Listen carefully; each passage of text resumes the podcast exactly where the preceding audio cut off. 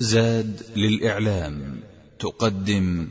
الحمد لله رب العالمين وصلى الله على نبينا محمد وعلى آله وصحبه أجمعين.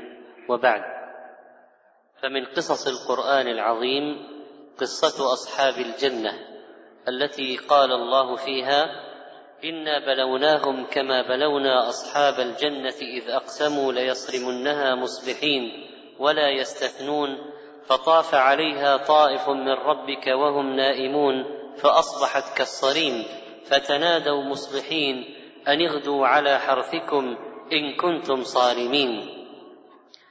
فانطلقوا وهم يتخافتون الا يدخلنها اليوم عليكم مسكين وغدوا على حرد قادرين. فلما رأوها قالوا إنا لضالون بل نحن محرومون. قال أوسطهم ألم أقل لكم لولا تسبحون قالوا سبحان ربنا إنا كنا ظالمين فأقبل بعضهم على بعض يتلاومون قالوا يا ويلنا إنا كنا طاغين عسى ربنا أن يبدلنا خيرا منها إنا إلى ربنا راغبون هذا المثل الذي ضربه الله تعالى لكفار قريش ولكل إنسان أعطاه الله نعما من المال والولد والصحة والعمر ونحو ذلك ثم حمله هذا على الأشر والبطر والبخل ومعصية الله سبحانه وتعالى ومحاربته ولم يؤدي حق الله فيما أنعم عليه فإن عذاب الله له بالمرصاد. لأن كلمة العذاب إذا حقت وقعت ويمحق الله النعمة ويسلب صاحبها إياها هذا غير ما ينتظره يوم القيامة من العذاب الشديد. إنا بلوناهم. إذا هناك ابتلاء واختبار، كل صاحب نعمة يجب أن يعلم بأنه مبتلى ومختبر من الله بهذه النعمة، سواء كانت مال، منصب، زوجة، أولاد، صحة، عمر، بيت، استقرار، أمن، وهكذا، مكانة اجتماعية، إذا هي ابتلاء، ما أعطيتها إلا وأنت مختبر ممتحن. كما بلونا أصحاب الجنة البستان العظيم المشتمل على أنواع الثمار والفواكه لقد أينعت أشجارها وزهت أثمارها وحان وقت صرامها وقطافها وجزموا أنها في أيديهم وطوع أمرهم وأنهم مستحوذون عليها. ليس هناك مانع يمنعهم في ظنهم منها ولذلك أقسموا ليصرمنها مصبحين. حلفوا ليقطعن ليقطعن ثمارها في الصباح الباكر. لماذا يريدون التبكير بقطع الثمار؟ لئلا يعلم بهم الفقير والسائل ولكي يستحوذوا على الثمر كله ولا يتركوا منه شيئا. ولم يدروا أن الله سبحانه وتعالى لهم بالمرصاد؟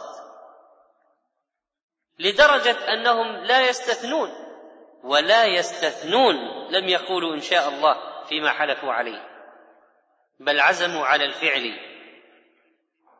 وهكذا فإنهم لم يستثنوا لم يستثنوا في الحلف ولم يستثنوا فقيرا ولا مسكينا من المنع. إذ أقسموا ليصرمون مصبحين ولا يستثنون لا يستثنون أحدا من المستحقين. لو كان فيهم خير لقالوا سنأخذ الثمار إلا كذا إلا ما نعطيه لأصحاب الحاجات إلا ما خصصناه للفقراء. لكن لقد استقر رأيهم على أن يقطعوا الثمار في الصباح الباكر دون أن يستثنوا شيئا من المساكين. وهنا حلت العقوبة. أليس قد عزموا على المعصية؟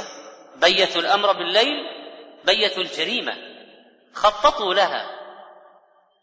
طاف عليها طائف من ربك. ما هو هذا الطائف؟ آفة سماوية. عذاب نزل من السماء. من الله سبحانه وتعالى أتى ليلا وهم نائمون.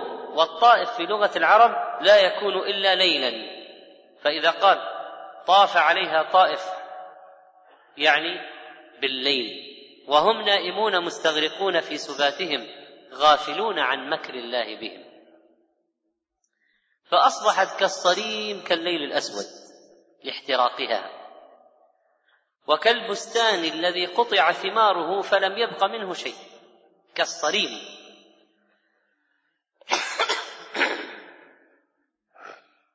مصروم. فتنادوا مصبحين على حسب اتفاقهم السابق وهم على الخطة سائرون. ونادى بعضهم بعضا ليذهبوا إلى الجذاذ والصرام وقطع الثمار. فتنادوا مصبحين هلموا هيا لنذهب أن اغدوا اخرجوا غدوة أول النهار على حرثكم بستانكم إن كنتم صارمين تريدون جني ثماره إن كنتم عازمين على رأيكم وصارمين فيما أردتموه فانطلقوا وهم يتخافتون يتناجون فيما بينهم. بحيث لا يسمعون أحدا كلامهم. مسرين بالكلام خوفا من أن يصل الخبر إلى أسماع الفقراء. ولكن يتخافتون وصل وصلت هذه المخافة لقد علم الله خبرها. يعلم السر وأخفى سبحانه. كيف يخفى عليهم؟ كيف يخفى عليه هذه المخافة؟ لا تخفى عليه. فانطلقوا وهم يتخافتون يتواصون فيما بينهم بحرمان الفقراء. يتواصون فيما بينهم ويتعاهدون بأن لا يبذلوا منها شيئا لله. انظروا إلى هذه الجريمة ما أبشعها. انظروا إلى هذه النية السيئة ما أعظمها وأسوأها. فانطلقوا وهم يتخافتون أن لا يدخلنها اليوم عليكم مسكين. هذه هي الخطة اليوم. ولا واحد ولا مسكين. لا تمكنوا فقيرا يدخل عليكم. سنغلق علينا ونقطف الثمار.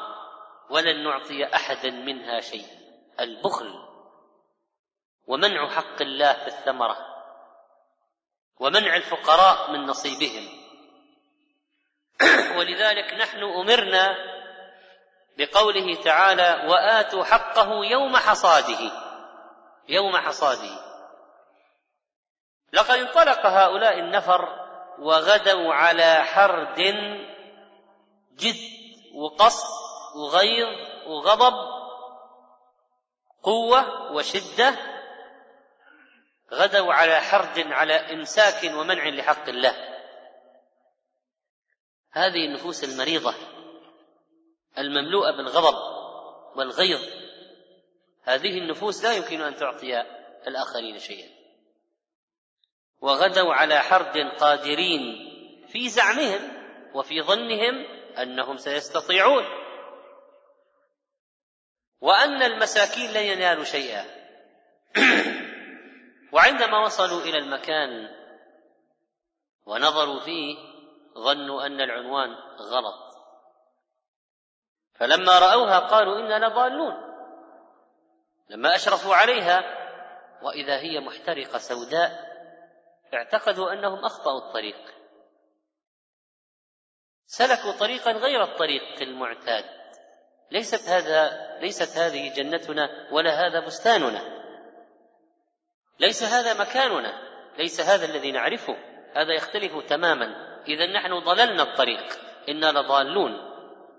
لكن لما تأكدوا ونظروا ورجعوا وفكروا فإذا هي هي هذا هو المكان. ولذلك اكتشفوا الحقيقة فقالوا بل نحن محرومون. حرمنا الله جنتنا لعزمنا على المعصية. اكتشفوا الحقيقة الهائلة وماذا حصل في الليل؟ وأدركوا أن الله انتقم منهم. وهنا سيرجع بعضهم باللوم على بعض ويظهر الأسف والحزن. وتعلو الكآبة الوجوه لحجم الكارثة. قال أوسطهم أعدلهم وأخيرهم. إن كان فيهم خير ففي هذا الشخص الناس يتفاوتون في الشرور كما يتفاوتون في الخير. الناس يتفاوتون في الشرور كما يتفاوتون في الخير. فقال أحسنهم حالا أوسطهم. وكذلك جعلناكم أمة وسطا يعني خيارا عدولا. قال أوسطهم أفضلهم أقلهم. سوءا. ألم أقل لكم لولا تسبحون لولا تستثنون؟ والاستثناء هو قول إن شاء الله. وقيل إن استثناءهم في ذلك الزمان كان تسبيحا. وقيل معناه فهلا سبحتم الله؟ وشكرتموه بإعطاء الفقراء؟ أو هلا نزهتم الله عما لا يليق به؟ عندما ظننتم أن قدرتكم تامة وأنه لا يقدر عليكم هلا سبحتموه واعتقدتم أنه يقدر عليكم؟ بدلا من أن تظنوا أنه لا يقدر عليكم وأنكم ستفعلون ما تريدون بلا شك ولا ريب ولا استثناء هل جعلتم مشيئتكم تابعة لمشيئة الله؟ بدلا من أن يجري عليكم ما جرى هذا لولا تسبحون هلا تذكرتم الله وتبتم إليه من خبث نيتكم؟ هل يمكن أن يكون هذا الشخص مخالف لهم في النية؟ أو أنه نهاهم فعصوه مثلا؟ أو أنه رجع كان أقلهم سوءا؟ فالله أعلم. قالوا سبحان ربنا إنا كنا ظالمين. أقروا على أنفسهم بالظلم. وسبحوا الله. واعترفوا بذنبهم حين منعوا المساكين. بعد لكن بعد ماذا؟ بعد ما نزل بجنتهم العذاب الذي لا يرفع. إن تسبيحهم هذا وإقرارهم على أنفسهم بالظلم. يمكن أن ينفعهم في تخفيف الإثم. ويمكن أن يكون التوبة. لكن لا يرفع عذاب الدنيا الذي نزل. فأقبل بعضهم على بعض يتلاومون بعد الندامة العظيمة التي حصلت. يتلاومون كل واحد يلقي بالخطأ على الآخر كل واحد يتهم الآخر. وهكذا يحصل بين المجرمين عندما يسقط في أيديهم عندما يحاصرون عندما يعثر عليهم عندما يواجهون الموقف الصعب. كل واحد يرمي على الآخر قضية يتلاومون. قالوا يا ويلنا إنا كنا طاغين. اعترفوا بالذنب. لقد اعتدينا وبغينا وطغينا وجاوزنا الحد. حتى حل بنا ما حل. عسى ربنا أن يبدلنا خيرا منها. إنا إلى ربنا راغبون. رغبوا في بدلها في الدنيا أو احتسبوا ثوابها في الآخرة. أنا إلى ربنا راغبون. بالعفو عما فرطنا فيه والتعويض عما فاتنا. اذا هؤلاء القوم بعدما حلت بهم المصيبة رجعوا إلى أنفسهم ورجعوا إلى الله. رجعوا إلى الله. واعترفوا بالذنب. ورغبوا إلى الله بالتعويض. عسى ربنا أن يبدلنا خيرا منها. وربما يكون العذاب نعمة. ربما تكون المصيبه في الدنيا إذا حصلت لواحد من الناس نعمة من جهة أنها ترده إلى صوابه وتعيده إلى طريق الحق. قال الله تعالى كذلك العذاب هكذا عذاب الله الدنيوي لكل من خالف أمره ومنع الحقوق وبدل نعمة الله كفرا. هذه عادتنا في الانتقام من العصاة والطغاة في الدنيا ولكن الآخرة أشد ولعذاب الآخرة أكبر لو كانوا يعلمون. هذه القصة نحن لا نعلم من الآيات أين حصلت وما أسماء الأشخاص وما اسم المنطقة وما اسم البلد.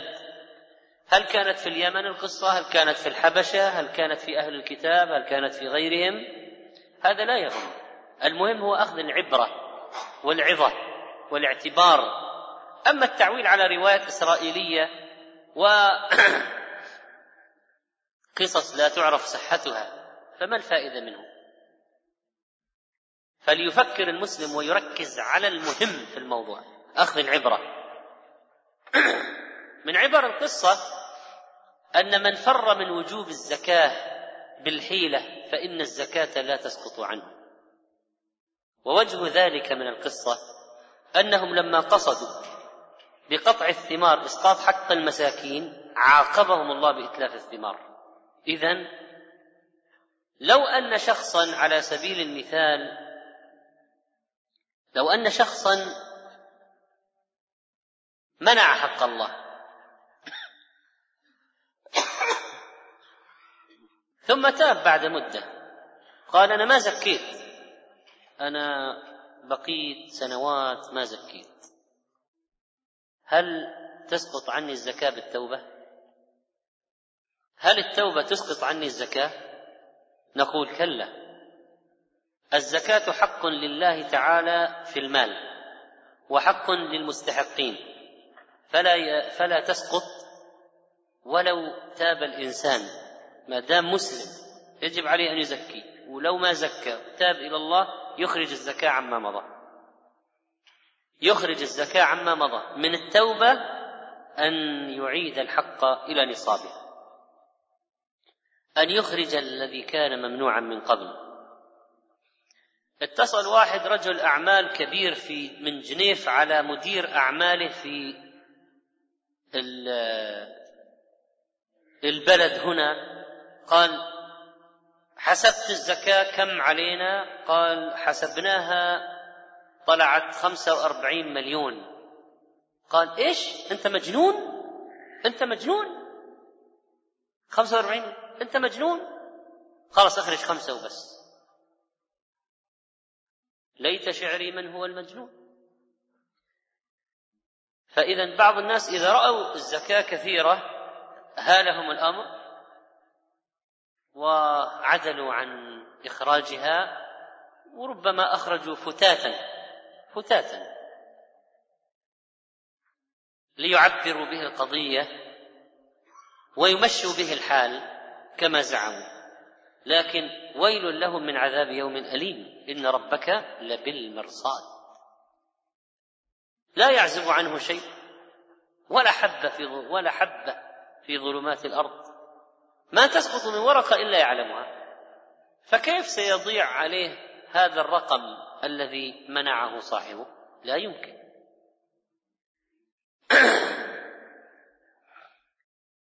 أخذ بعض العلماء من هذه القصة كراهة حصاد الثمار بالليل. كراهة الجذاذ بالليل قالوا لأجل الفقراء.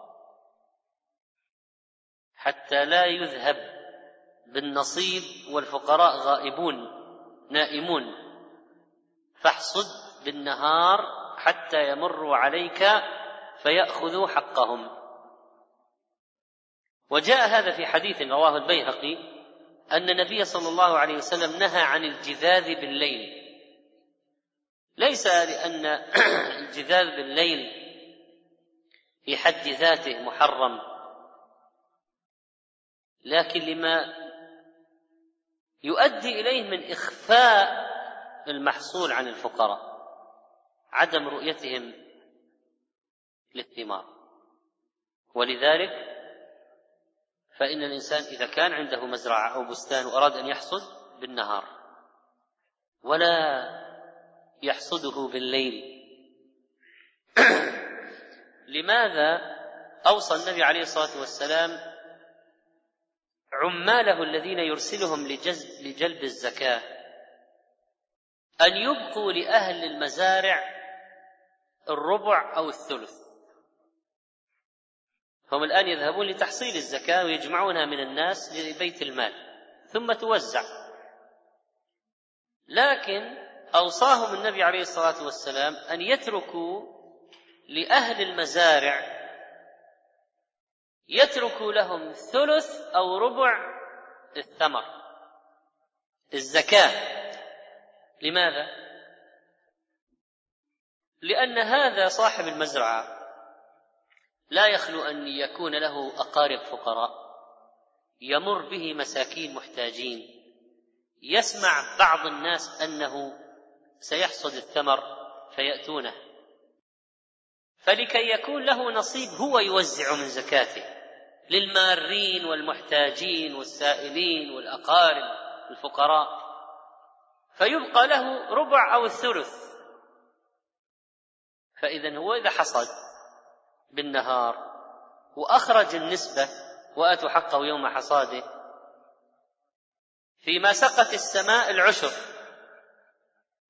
فيما سقي بالآبار والحفر والمجهود نصف العشر. وإذا كان بعضه بماء السماء وبعضه بالآبار المحفورة والنفقات والمجهود ثلاثة أرباع العشر. العدل في أخذ النسبة على حسب التعب. نلاحظ أن نسبة الزكاة تؤخذ على حسب التعب. إذا واحد حصل على كنز فجأة من أيام الجاهلية ما هو؟ ما كان على البال. حفر ووجده. كم يخرج؟ الخمس. في الركاز الخمس. لكن الزرع الذي يتعب عليه نصف العشر والذهب والفضة كم؟ ربع العشر خمسة وعشرين في الألف اثنين ونصف في المئة.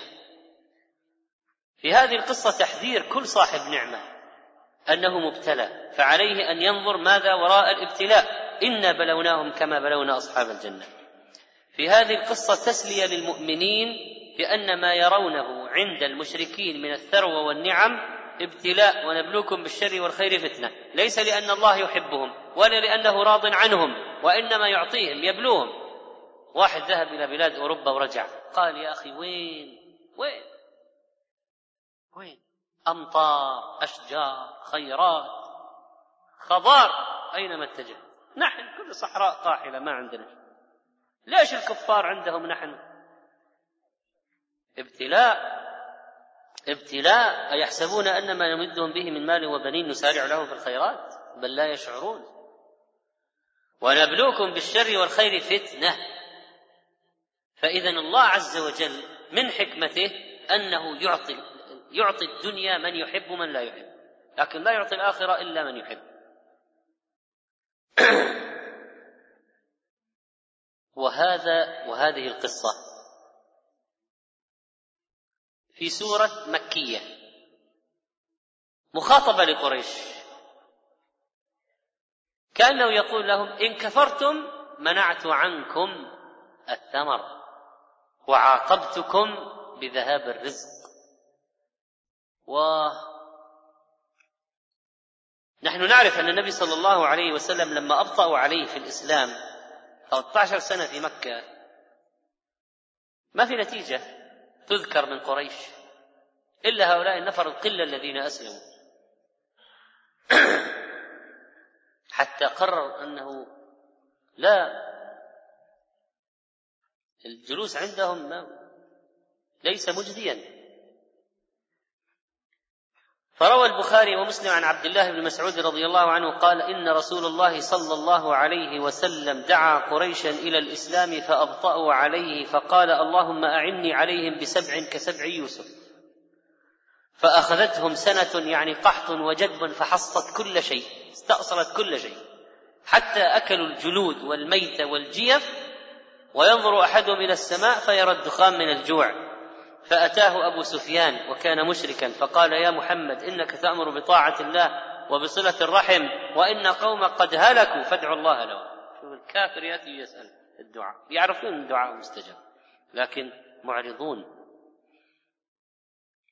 القصة هذه فيها فائدة مهمة وهي أن العزم والتصميم على المعصية يعاقب عليه الإنسان ولو ما فعله ولو ما فعله. فإذا واحد قال أليس من هم بسيئة فلم يعملها؟ كتبت له حسنة. نقول نعم إذا كان من لم يعملها لله. وواحد راح يسرق وجد الشرطي يحرس بطل غير رأيه حسنات. لا. من هم بسيئة فلم يعملها لأنه خاف من الله ما عملها. واحد قعد بين المرأة رجلي المرأة ثم قام. خاف الله اتق الله خاف الله قام مشى ما فعل الفاحشة. هذا يؤجر. طيب لو واحد قال الذي لا يعمل السيئة أليس أنه لا تكتب له سيئة؟ نعم إلا إذا وصل إلى مرحلة التصميم. يعني إذا كانت مجرد خاطرة مجرد فكرة شيء عابر خطرت بباله معصية لا يأثم عليها إذا ما فعلها.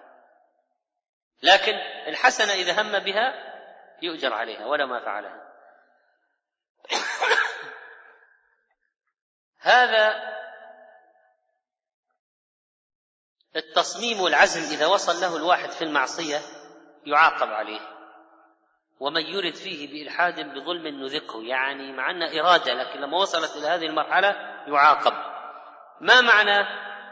إذا التقى المسلمان بسيفيهما فالقاتل والمقتول في النار. طيب القاتل عرفنا جريمته والمقتول قال إنه كان حريصا على قتل صاحبه.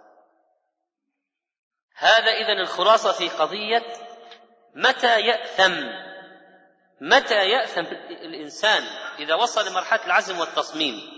ثم